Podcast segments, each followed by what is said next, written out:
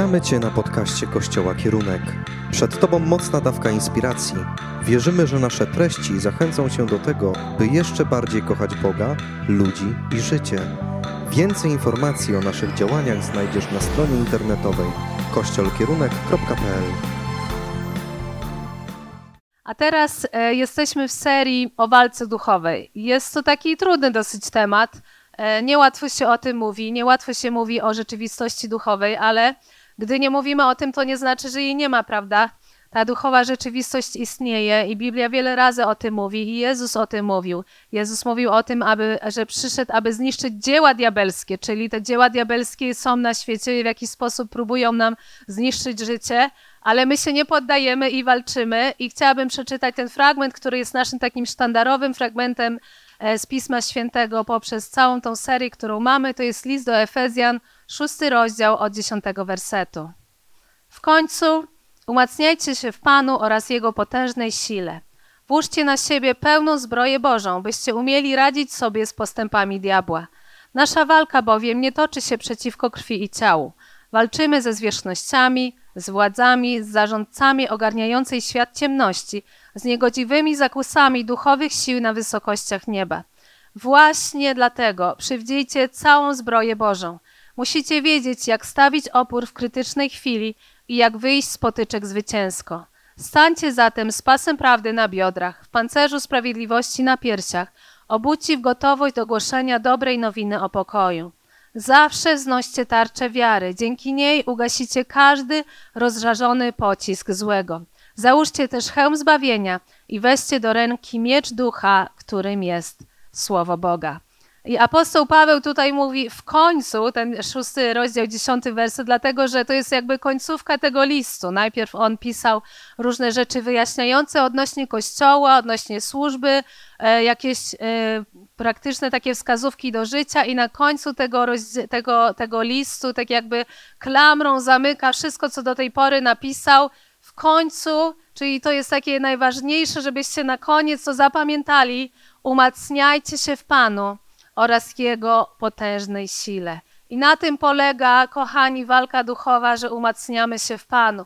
Na tym polega walka duchowa, że wiemy, że Jezus Chrystus jest zwycięzcą. I słyszeliśmy o tym w zeszłym tygodniu, że Jezus Chrystus zwyciężył świat, że Jezus Chrystus jest zwycięzcą. On pokonał diabła, on pokonał śmierć, on poszedł do nieba jako zwycięzca, jako król królów i pan panów. I to mówi nam o tym, że my też jesteśmy zwycięzcami w Nim. Jezus Chrystus powiedział do swoich uczniów: Słuchajcie, na świecie będzie trudno, na świecie będzie ciężko, będziecie mieć ucisk, będziecie mieć trudności, ale ufajcie, bo ja zwyciężyłem świat. I to jest pierwsza rzecz, która wynika z tego fragmentu, o której musimy dobrze wiedzieć, że Jezus Chrystus jest Panem, jest Królem, On ma potężną moc i tylko przez Niego my również możemy zwyciężać. I apostoł Paweł w drugim liście do Koryntian, drugi rozdział, czternasty werset, pisze taki wspaniały fragment. Bogu zaś niech będą dzięki za to, że zawsze daje nam zwycięstwo w Chrystusie i sprawia, że Jego woń Jego poznania rozchodzi się przez nas wszędzie. Bogu niech będą dzięki, że daje nam zwycięstwo w Jezusie Chrystusie. I to chciałabym, żebyśmy mogli na początku o tym wiedzieć i to zapamiętać, że zwycięstwo jest w Jezusie Chrystusie. I my, jako osoby, które należą do Jezusa Chrystusa, mamy też to zwycięstwo w Nim i możemy dzięki temu zwycięstwu, my możemy zwyciężać. I apostoł Paweł w tym liście do Efezjan pisze o tym, żeby przyjrzeć tą zbroję, założyć ją i w zeszłym tygodniu już mogliśmy słuchać o tym, jak, e, czym jest pas prawdy, czym jest pancerz sprawiedliwości, czym są buty e, gotowości do zwiastowania Ewangelii. Jeżeli nie byliście, możecie sobie nadrobić i będzie można niedługo posłuchać na naszym podcaście to, to słowo z zeszłego tygodnia. A dzisiaj chciałabym, żebyśmy mogli pomyśleć o tym, e, co jest napisane w dalszych wersetach. Zawsze wznoście tarczę wiary. Dzięki niej ugasicie każdy rozżarzony pocisk złego. Czym jest tarcza wiary? Co to jest w ogóle wiara? Biblia mówi, że bez wiary nie można podobać się Bogu. Wiara to jest pierwsza rzecz, którą mamy, kiedy przychodzimy do Pana Boga. No bo przecież nie widzimy Go, prawda? Nie wiemy, jak On wygląda. Nikt z nas, kto tutaj jest, nie widział osobiście na własne oczy Boga. Chyba, że ktoś widział, może miał jakieś widzenie, to przyjdźcie po kazaniu do mnie, to chętnie porozmawiam o tym. Ale tak naprawdę ci ludzie, którzy żyli 2000 lat temu i chodzili po ziemi, mieli ten przywilej spotkać Boga w osobie Jezusa Chrystusa, prawda? Ale tak poza tym przez całą ludzkość nikt Boga nie widział, więc w jaki sposób my możemy przychodzić do Boga? W jaki sposób my w ogóle tutaj spotykamy się, staliśmy się Kościołem i co nas łączy, to właśnie to, że wierzymy. To, że mamy wiarę, to, że mamy ufność w to, że Bóg istnieje. I zobaczcie w liście do Hebrajczyków, to jest taki piękny rozdział 11, który mówi na temat wiary. E, przeczytamy sobie najpierw szósty werset. Bez wiary przeciwnie nie można podobać się Bogu. Kto bowiem przychodzi do Boga, musi uwierzyć, że On istnieje i że nagradza tych, którzy Go poszukują. Tarcza wiary to jest to, że ja ufam, że ja wierzę po pierwsze, że Bóg jest, że Bóg istnieje i wiele osób dzisiaj w tym świecie mówi, Boga nie ma. Bóg nie istnieje, nie ma czegoś takiego jak jakiś wyższy byt. Po prostu jesteśmy tutaj na ziemi, rodzimy się, żyjemy te 70-100 lat, umieramy i koniec, nasze życie się kończy. Ale my, kochani, jako chrześcijanie, my wierzymy w coś innego. My wierzymy, że Bóg istnieje. I pierwsza rzecz, którą mamy, jeśli chodzi o tarczę wiary, to jest to, że ja wierzę, że On istnieje. Ale nie tylko, że istnieje, że gdzieś jest, że jakiś siwy dziadek siedzi na tronie, który w ogóle nie interesuje się nami, no może kiedyś stworzył świat i teraz patrzę, no jak ci tam ludzie sobie na tej ziemi jakoś poradzą czy nie poradzą. Czasami możemy mieć takie wyobrażenie Pana Boga, ale ten werset jeszcze mówi o tym, że On nie tylko istnieje, że nagradza tych, którzy Go szukają. Więc dlatego warto Go szukać, bo Bóg daje się znaleźć i Bóg nagradza tych, którzy Go szukają. A przeczytajmy sobie teraz pierwszy werset tego rozdziału listu do Hebrajczyków. Tutaj jest piękna definicja wiary. Wiara jest podstawą spełnienia się tego wszystkiego, co jest treścią nadziei, przekonaniem o prawdziwości tego, co niewidzialne. Ze względu na nią starsi ludy otrzymali dobre świadectwo. Dzięki wierze pojmujemy, że wszystko, co istnieje w czasie i przestrzeni, zostało ukształtowane słowem Boga, także to, co widzimy, nie powstało z rzeczy widzialnych. To jest definicja wiary, czyli wiara jest podstawą spełnienia się tego, co jest treścią nadziei. Czyli moją treścią nadziei jest to, że Bóg istnieje, że Bóg nagradza tych, którzy Go szukają, czyli kiedy ja Go szukam, kiedy podążam za Nim, kiedy modlę się do Niego, to On mnie nagradza czym? Swoją obecnością. Ale też On mnie nagradza zbawieniem, tym, że pójdę do nieba, kiedy skończy się moje życie tutaj na ziemię.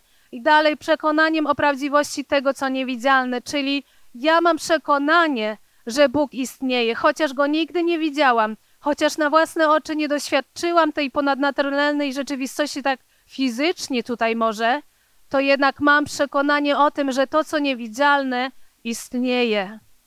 I dalej czytamy, że dzięki wierze pojmujemy, że to, co istnieje, zostało ukształtowane Słowem Boga. Czyli kolejna rzecz, wiara to jest to, że ja wierzę, że świat powstał przez Boga, że Bóg ukształtował ten świat, że Bóg mnie stworzył, że jestem Bożym stworzeniem, że należę do Niego, że On ma plan dla mojego życia, że On mnie stworzył w jakimś celu, w jakimś konkretnym przeznaczeniu.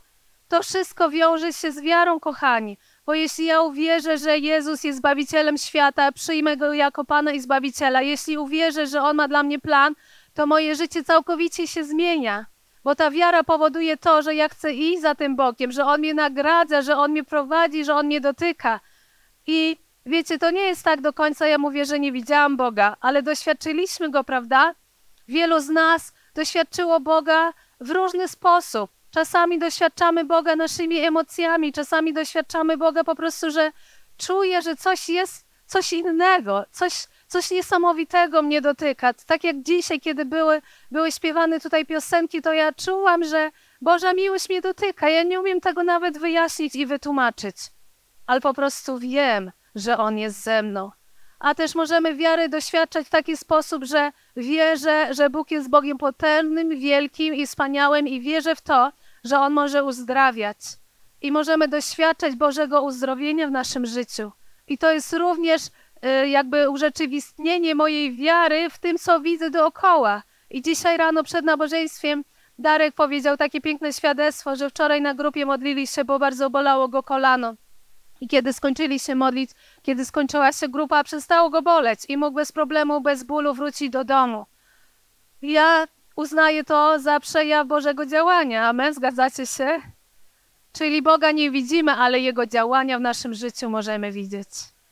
I teraz, jeżeli wiemy, że tym jest wiara, że, tym jest że to jest przekonanie o tym, czego nie widzimy, ale co istnieje, to jest nam łatwiej trzymać tą tarczę wiary, dlatego że kiedy przychodzą do nas ataki, kiedy przychodzą do nas trudności, kiedy przychodzą jakieś przeciwności, to ja trzymam tą tarczę, tak jak apostoł mówi, że nią będziecie mogli zgasić wszystkie ogniste pociski złego.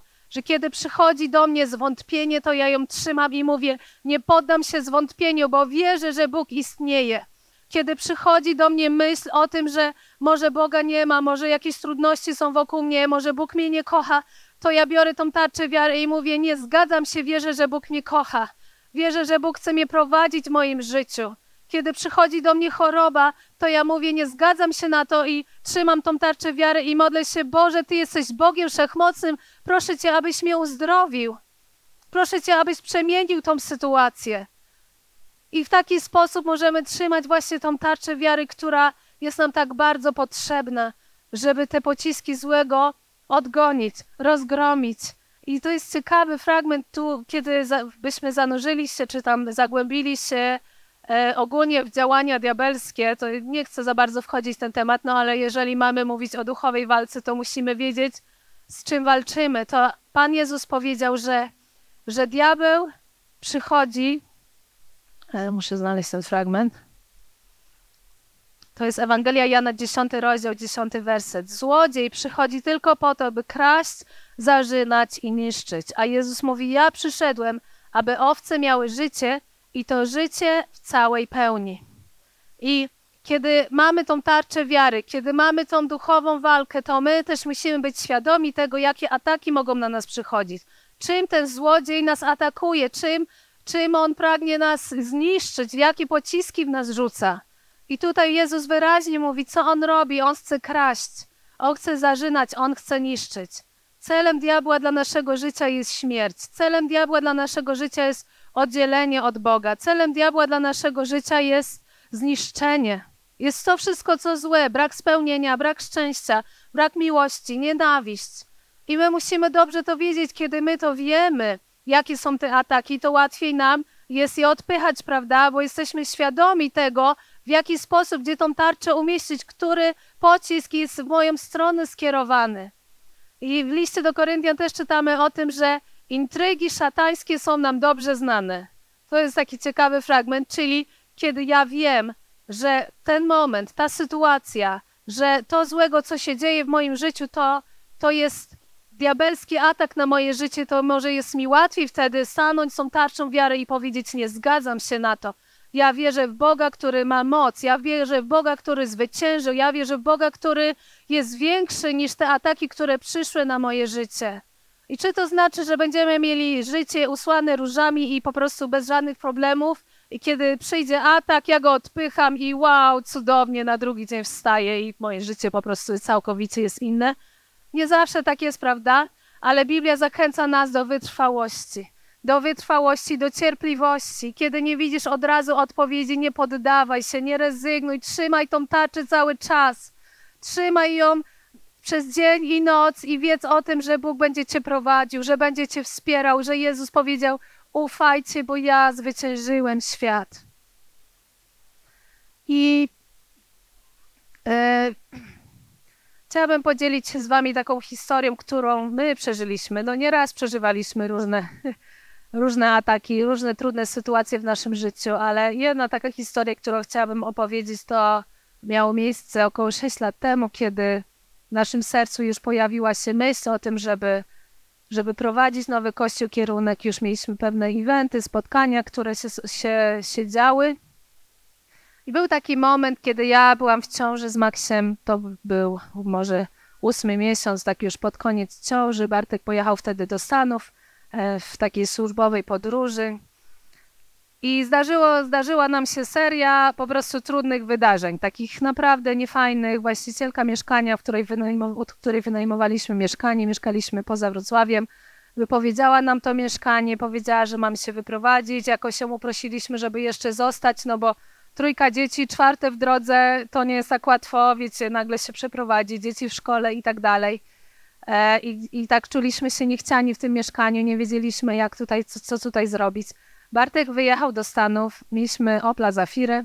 Ja jechałam z dziećmi do domu z takiej podróży wieczorem i nagle auto moje się zadymiło, obroty 6 tysięcy, czy nie wiem, czy dobrze to mówię, bardzo dużo. po prostu było takie uuu, i nie chciało się zatrzymać. Dla tych, którzy się nie znają na autach, tak jak ja. E, I zaczęło po prostu dymić. Stanęło mi auto, zaczęło mi dymić, bardzo wysokie obroty, ja nogę z gazu, klikam ten stop, nie chcę się wyłączyć. Całe w środku się dymi, dzieci wołają, mamo, mamo, coś się dzieje, zaraz się zapali, zaraz wybuchnie. I ja z tym brzuchem w ciąży Sonia i Wika gdzieś uciekły szybko dalej od auta, a Gracja jeszcze była mała i nie mogła się odpiąć w tym foteliku. Ja wychodzę, nie wiem czy uciekać, czy co robić, szybko odpinam ją, uciekamy, ludzie się zbiegli i naprawdę po prostu okazało się, że filtr cząstek stałych się zepsuł, jeśli dobrze mówię, tak? I no to było naprawdę niefajne wydarzenie, powiem wam. 21 wieczorem, gdzieś na wsi pod Wrocławiem stanęłam tam i, i co tu robić w ogóle? Męża nie ma, ja się na samochodach nie znam, trójka dzieci, ja w ciąży. E, zadzwoniłam do takiego kolegi z kościoła, który przyjechał nam pomóc, ale w międzyczasie zadzwoniłam też do Bartka, on był w tych Stanach i, i zadzwoniłam do niego, żeby e, zapytać się, gdzie mamy hak, żeby scholować to auto. E, I przez telefon szukaliśmy, gdzie mamy hak do auta. I Bartek do mnie mówi, wiesz, kochanie, nie chcę cię teraz martwić, ale coś mi się stało z plecami i nie mogę wstać z łóżka. Dokładnie w ten sam dzień, kiedy mi to się stało, Bartkowi coś się stało z plecami. E, miał ucisk, ucisk nerwa na mięśnie, czy, mi, czy coś takiego. I, I po prostu leżał i nie mógł się podnieść. I ledwo potem musiał iść do lekarza, ledwo wrócił do Polski, tak leżąco na siedzeniach. I kiedy wróciłam do domu, ten kolega pomógł mnie zaholować, wróciłam do domu, usiadłam o tej 23 i mówię, Rety, nie wiem, co się dzieje, co w ogóle, o co chodzi, co się stało, czemu to wszystko tak naraz przyszło do nas. I zadzwoniłam do mojego taty, on też jest pastorem i mówię, tato, takie rzeczy się wydarzyło, proszę o modlitwę. I mój tata pierwszy co powiedział, kochanie, to są ataki diabelskie na was, żebyście dobrych dzieł Bożych nie wykonywali, ale nie poddawaj się, nie bój się, będziemy się wszyscy modlić i będziemy się modlić, żeby Bóg was z tego wszystkiego wyprowadził. I Bóg nas wyprowadził. E, auto udało się naprawić dzięki pomocy wielu ludzi, którzy finansowo nas wsparli w tym temacie. Dostaliśmy też drugi samochód za darmo, którym mogliśmy jeździć. E, Bartka plecy pomału zaczęły wracać do normy, z właścicielką jakoś się dogadaliśmy. Finansowo też, też Pan Bóg nam pobłogosławił, ale to są takie momenty, kiedy kiedy nie wiesz, co się dzieje, nie wiesz dlaczego, po prostu logicznie nie ma wyjaśnienia, że nagle zaczyna się walić to, tamto i siamto. I kiedy ja znam tą duchową rzeczywistość, kiedy ja wiem, że to są diabelskie ataki, to mi jest łatwiej to odeprzeć. I czasami jest tak, że nam jest trudno samemu, kiedy znajdujemy się w tej trudnej sytuacji, nawet nie mamy słów, nie wiemy, jak sobie poradzić, i wtedy warto jest zwrócić się do kogoś też wierzącego który pomoże nam, który pomodli się z nami, który powie, rozumiem, że może nie masz wiary w tej sytuacji, ale ja się z Tobą pomodlę, bo ja mam wiarę, że Bóg może wyprowadzić. Ja mam wiarę, że Bóg będzie z Tobą i dlatego tak bardzo potrzebujemy środowiska Kościoła, środowiska wspólnoty, żebyśmy mogli nawzajem się o siebie troszczyć, żebyśmy mogli nawzajem sobie pomagać. I w tamtej sytuacji też mieliśmy tak wiele osób, pastorów, bliskich osób, przyjaciół, którzy nas wsparli, którzy byli z nami, że nie musieliśmy czuć się sami w tej sytuacji. I czasami, wiecie, kiedy nie mamy wiary, kiedy wątpimy, kiedy jest nam tak trudno, to była taka sytuacja, kiedy Pan, do Pana Jezusa przyszedł pewien ojciec, którego syn e, miał, był, był zaatakowany właśnie przez diabła i mówił: Panie, proszę Ciebie, uratuj mojego syna, bo ciągle coś jest z nim nie tak.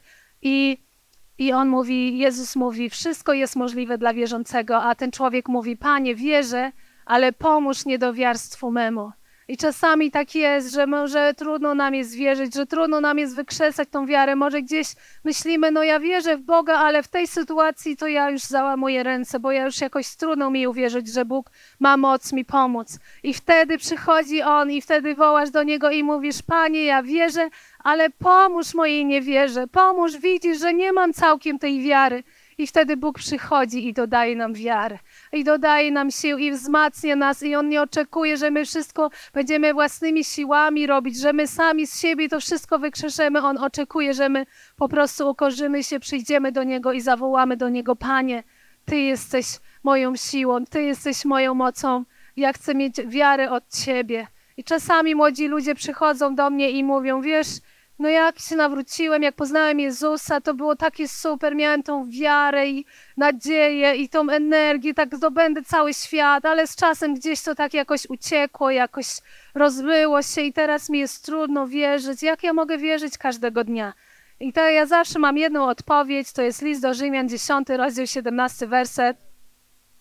Wiara zatem rodzi się dzięki przesłaniu, a treścią tego przesłania jest to, co mówi Chrystus. Jeżeli nie masz wiary, to czytaj Boże Słowo. A jeżeli nie rozumiesz Bożego Słowa, to czytaj Ewangelię. Przeczytaj to, co mówi Jezus Chrystus. Przeczytaj sobie Jezusa kazanie na górze dziesięć razy pod rząd i Twoja wiara przyjdzie. Przeczytaj sobie, jak Jezus uzdrawiał, jak Jezus wzmacniał, jak Jezus posilał, jak Jezus powoływał uczniów i mówił: idźcie na cały świat, głoście Ewangelię. To są słowa Jezusa, które wzbudzają naszą wiarę, albo przynajmniej powinny. Więc jeżeli brak ci wiary, idź do domu i czytaj Biblię. I inne, inne tłumaczenie mówi, że wiara rodzi się ze słuchania. Dlatego my też głosimy kazania, bo kazania budują naszą wiarę, kiedy słuchamy ich, kiedy słucham Bożego Słowa, które jeszcze ktoś mi wyjaśni, które ktoś przekaże takim moim językiem, pokaże jakieś przykłady z życia, to ja, a to tak można to zastosować. A to teraz rozumiem. Właśnie stąd pochodzi nasza wiara.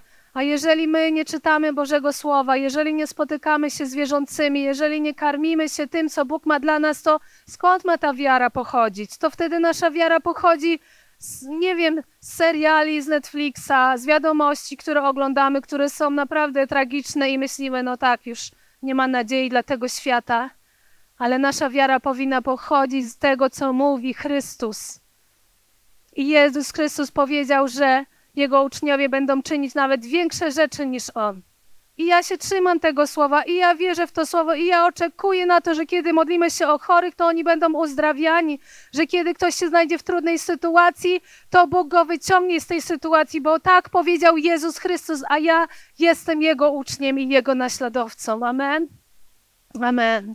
Kochani, i kolejna rzecz, którą dzisiaj chciałabym poruszyć, to jest hełm zbawienia.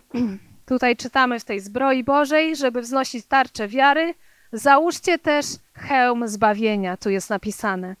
Hełm zbawienia to jest ciekawa rzecz, która e, hełm zakłada się na głowę, prawda? Tutaj, więc chroni naszą głowę. I wierzę, że hełm zbawienia to jest taka rzecz, która chroni nasz umysł. Chroni nasz umysł przed zwątpieniem, dlatego że zbawienie to jest coś, czego możemy być pewni, bo Jezus Chrystus powiedział, że nawet nie Jezus, tylko to w liście do Rzymian czytamy, kto uwierzy, będzie zbawiony. Nie, Jezus też to powiedział. ale mam inny fragment i dlatego się już troszkę zakręciłam. Ale przeczytajmy właśnie ten inny list do Rzymian, 10 rozdział, 9 werset. Bo jeśli ustami wyznasz, że Panem jest Jezus i uwierzysz w swym sercu, że Bóg zbudził go z martwych, będziesz zbawiony. A więc możesz być pewien zbawienia. A więc nie musisz się domyślać, czy jestem zbawiony, czy będę zbawiony. Nie musisz się domyślać, nie musisz żyć niepewności. Dzisiaj wiele osób mówi, to niedobrze tak mówić, że masz pewność zbawienia. To jest jakieś takie aroganckie tak powiedzieć. Tylko Bóg może wiedzieć, kto jest zbawiony. Nie, Biblia prosto o tym mówi, że jeśli wyznasz ustami, że Jezus jest Panem i uwierzysz, że On zmartwychwstał, że Bóg go zbudził z martwych, będziesz zbawiony będziesz zbawiony, czyli to jest znowu połączone z naszą wiarą. Ja wierzę, że oddałam życie Jezusowi, ja wierzę, że On przebaczył moje grzechy, ja wierzę, że On umarł za mnie na krzyżu i wierzę w to, że cokolwiek dzisiaj się stanie z moim życiem, to jeśli umrę, pójdę do nieba i spotkam się tam z moim Ojcem i z moim Panem i będę zbawiona. I to jest hełm zbawienia, to jest to, co każdego dnia powinniśmy mieć, tą świadomość, tą pewność zbawienia w Jezusie Chrystusie. I Rzymian, ósmy rozdział, szesnasty werset mówi, ten właśnie duch świadczy wraz z naszym duchem, że jesteśmy dziećmi Boga. A jeśli dziećmi, to i dziedzicami. Dziedzicami Boga, a także współdziedzicami Chrystusa. Jeśli tylko razem z Nim cierpimy po to, by razem z Nim mieć również udział w chwale. Duch Święty, który jest w nas, dzięki temu, że się nawróciliśmy, On jest w nas, On świadczy, że jesteśmy dziećmi Boga. On nas potwierdza to. On daje nam przekonanie na 100%, że jak umrę, to pójdę do nieba, że należy do Jezusa Chrystusa, że jestem dziedzicem, że odziedziczę to, co On obiecał. A jeżeli dzisiaj jesteś w miejscu, że masz wątpliwości, że nie jesteś pewien, że boisz się śmierci, bo nie wiesz, co tam cię spotka, to zachęcam cię. Przyjdź do Jezusa i wyznaj mu, Panie, stań się moim zbawicielem. Panie, wybacz mi moje wszystkie grzechy, chcę należeć do Ciebie. I wiecie, co jest w Bogu piękne, że On to zrobi. On tak o po prostu przychodzi do nas i wybacza nam i daje nam to przekonanie. I kiedy pomyślimy sobie, przypomnimy sobie nasz moment spotkania, taki pierwszy moment spotkania z Bogiem. Ja tak kocham do tego wracać, kiedy po raz pierwszy doświadczyłam Bożej miłości, Bożej bliskości, Bożego dotknięcia i wiedziałam, że wtedy od tego momentu Bóg zamieszkał we mnie. I kiedy mam czasem trudne momenty, to lubię sobie przypominać to. I zachęcam Was, żebyście sobie przypominali, żebyście wracali do tego dnia, kiedy przychodzi niewiara, kiedy przychodzi rozczarowanie, kiedy przychodzi żal, jakiś gorycz. Przypomnij sobie to, jak Bóg Cię spotkał, jak Bóg wyciągnął do Ciebie rękę, jak doświadczyłeś Jego miłości. To jest ten hełm zbawienia. I wiecie, dzisiaj, w dzisiejszych czasach, diabeł wie, jak nas uderzać. I diabeł bardzo atakuje właśnie w nasz umysł. To jest niesamowite, co on robi z umysłami ludzi. Jak on wprowadza ludzi w depresję, w stany, gdzie ktoś nie chce żyć, chociaż zewnętrznie, nie ma żadnych przesłanek do tego, żeby nie żył. Ma wszystko, co trzeba. Ma ciepły dom, ma kochających rodziców, ma, nie wiem, w szkole dobrze się układa, a jednak taka młoda osoba decyduje, że nie chce żyć. To jest atak diabelski na nasz umysł. Stany lękowe, apatia, niechęć do życia, poczucie samotności, poczucie niezrozumienia, poczucie izolacji, gorycz, żal, nieprzebaczenie. To wszystko są te ataki diabła, które do nas przychodzą i my, żeby je odeprzeć, musimy przede wszystkim umieć je rozpoznać. Umieć wiedzieć, że to diabeł, to nie Bóg mi daje te myśli. Ja nie chcę tych myśli mieć, ja chcę je odrzucić. I wtedy założyć ten hełm zbawienia i powiedzieć: Nie, nie, nie, diable, ty tu nie masz do mnie dostępu, bo Jezus zwyciężył. Bo Jezus jest we mnie, który jest większy. Ja wiem, po co ja żyję, ja mam po co żyć. I czasami, wiecie, to jest walka, to nie jest tak, że ja sobie usiądę i sobie tak po, po, porozkminiam. Hmm, no może mam takie myśli, może nie mam, może Bóg coś z tym zrobi. Nie, czasami, kiedy przychodzą do nas takie straszne myśli lękowe, kiedy przychodzą myśli depresyjne, to my powinniśmy stanąć do walki i wbrew może naszym emocjom, wbrew temu, co gdzieś jest wokół nas, stanąć i wykrzyczeć i powiedzieć: Diable, idź precz ode mnie. I stanąć i wykrzyczeć: Jezus jest moim Panem. I ja w to wierzę i ja tego doświadczyłam. To nie jest jakieś swoje przekonywanie się, ale to jest to, że ja pokazuję Bogu, że ja mam wiarę. A czasem, kiedy nie mam wiary, po prostu na głos to powiem i Boże, pomóż mi do wiarstwu memu. Pomóż mi, bo ja nie wiem, co z tym dalej robić. Ale Ty wiesz i Ty masz moc. I mieliśmy taką sytuację, kiedy chodziło o finanse. Ja zawsze byłam taka jakaś nie, niewierząca w tym temacie. I często nam brakowało pieniędzy i mówiłam, no teraz to już koniec, samochód się zepsuł, nie wiem co zrobimy, nie poradzimy sobie, nie będziemy mieli za co naprawić tego samochodu, już nigdy nie będziemy mieli samochodu.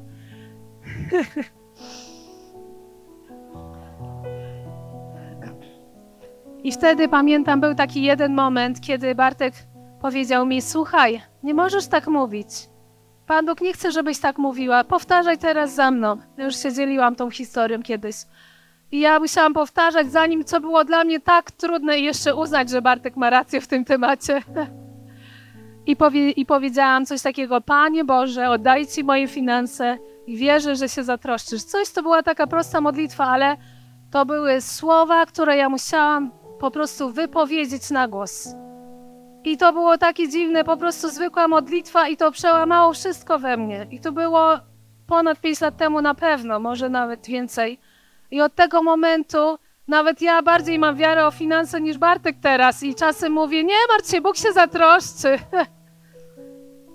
Czasami to jest to, że jedna modlitwa wypowiedziana na głos, to jest ta walka nasza. To jest to, że ja się przełamię, że ja powiem coś na głos, że ja uwierzę w to, że Bóg ma moc.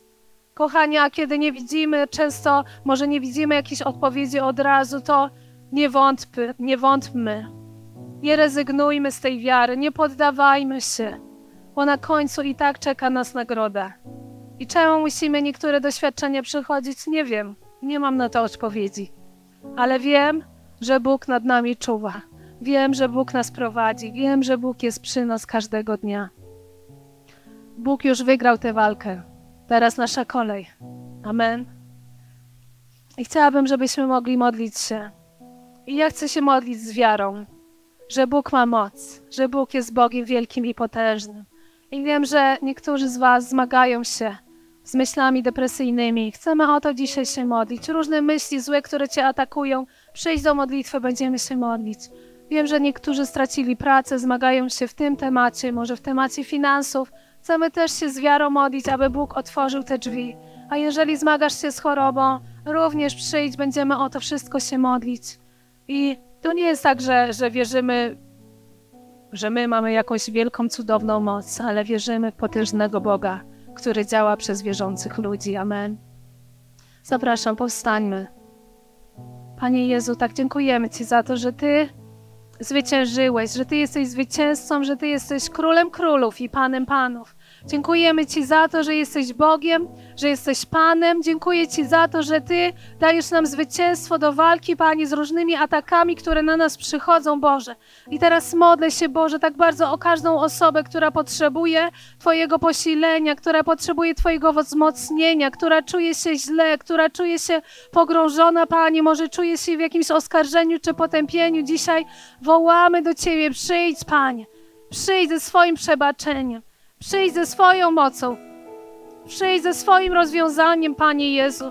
Chcemy, Boże, dzisiaj wyznać, że wierzymy w Ciebie, że wierzymy w Ciebie, że Ty istniejesz i że nagradzasz nas, bo szukamy Ciebie, Panie. Halleluja, Jezu, daj nam być wytrwałymi, Panie. Daj nam być cierpliwymi i czekać na Twoje obietnice, Boże. Dziękuję Ci za to, że jesteś, że jesteś dobry, Panie, że jesteś miłością, że jesteś wielki i cudowny. Chwała Tobie, Jezus. Chwała Tobie, Panie. Dziękuję Ci, Boże.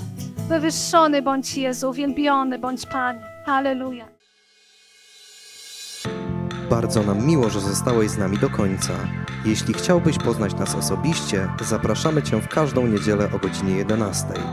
Aby dowiedzieć się więcej o nas i naszych działaniach, odwiedź stronę internetową kościolkierunek.pl. Kochamy Boga, kochamy ludzi, kochamy życie.